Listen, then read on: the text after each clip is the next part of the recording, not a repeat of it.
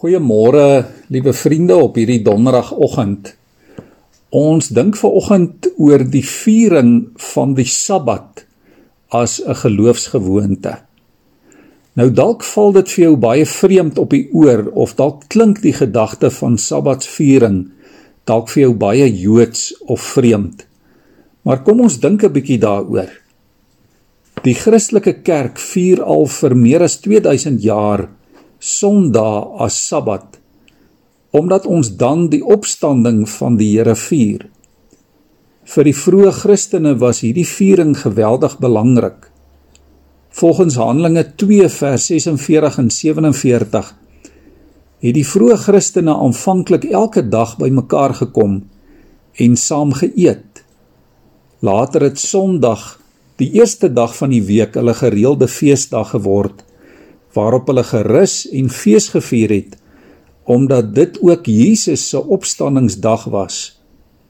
Sommige van die Jode wat ook Christene geword het, het aanvanklik hulle Christusfees op Saterdag of dan die sewende dag van die week gehou omdat hulle gewoond was aan die Joodse Sabbat op die sewende dag. Later het hierdie Joodse Christene hulle egter ook daarbey ingeval om dit op die Sondag of dan die eerste dag van die week te vier. Baie interessant is dat Sondag nooit 'n vakansiedag was soos wat ons dit vandag ken nie. Dit was maar 'n gewone werksdag. Christene het egter op hierdie opstandingsdae soggens voor dagbreek bymekaar gekom en dan saam geëet en so ook in die aand weer bymekaar gekom om ook te eet en te bid. Hierdie gebruik dat Sondag 'n dag sonder werk is, kom uit die tyd toe keiser Konstantin as die eerste Christelike keiser 'n wet daaroor uitgevaardig het. Handelinge 2 vers 46 en 47 sê vir ons ook duidelik wat die kenmerke van die Christelike Sabbat was. Ons lees daar hulle, dit is nou die Christene het elke dag getrou by die tempel bymekaar gekom. Van huis tot huis het hulle die gemeenskaplike maaltyd gehou. Hulle kos met blydskap en in alle eenvoud geëet en elke dag mense wat gered is by die gemeente gevoeg.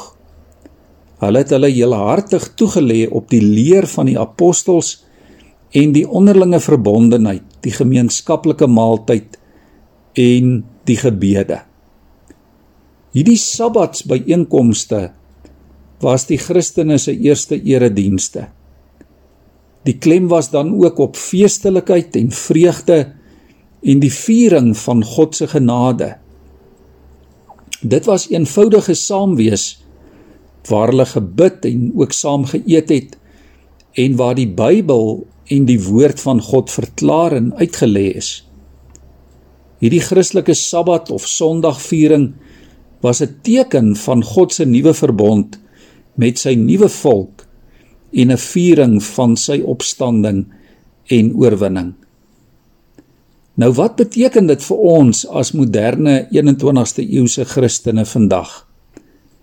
Dit is belangrik dat ons so gereeld as moontlik, as dit kan, ten minste een keer 'n week Christus se opstanding en oorwinning feestelik saam met medegelowiges sal vier. Nie omdat ons moet nie, maar omdat ons graag wil. Dit moet daan geleenthede wees waar ons saam bid en geestelike liedere sing, waar ons ons geloof bely en na die woord luister en ook saam eet en fees vier. Dit moet 'n familiedag wees en dit kan 'n rusdag wees waar ons ook saam kerk toe gaan en saam kuier as Christus volgelinge. Dit is 'n geleentheid wat die fokus spesifiek op Jesus is.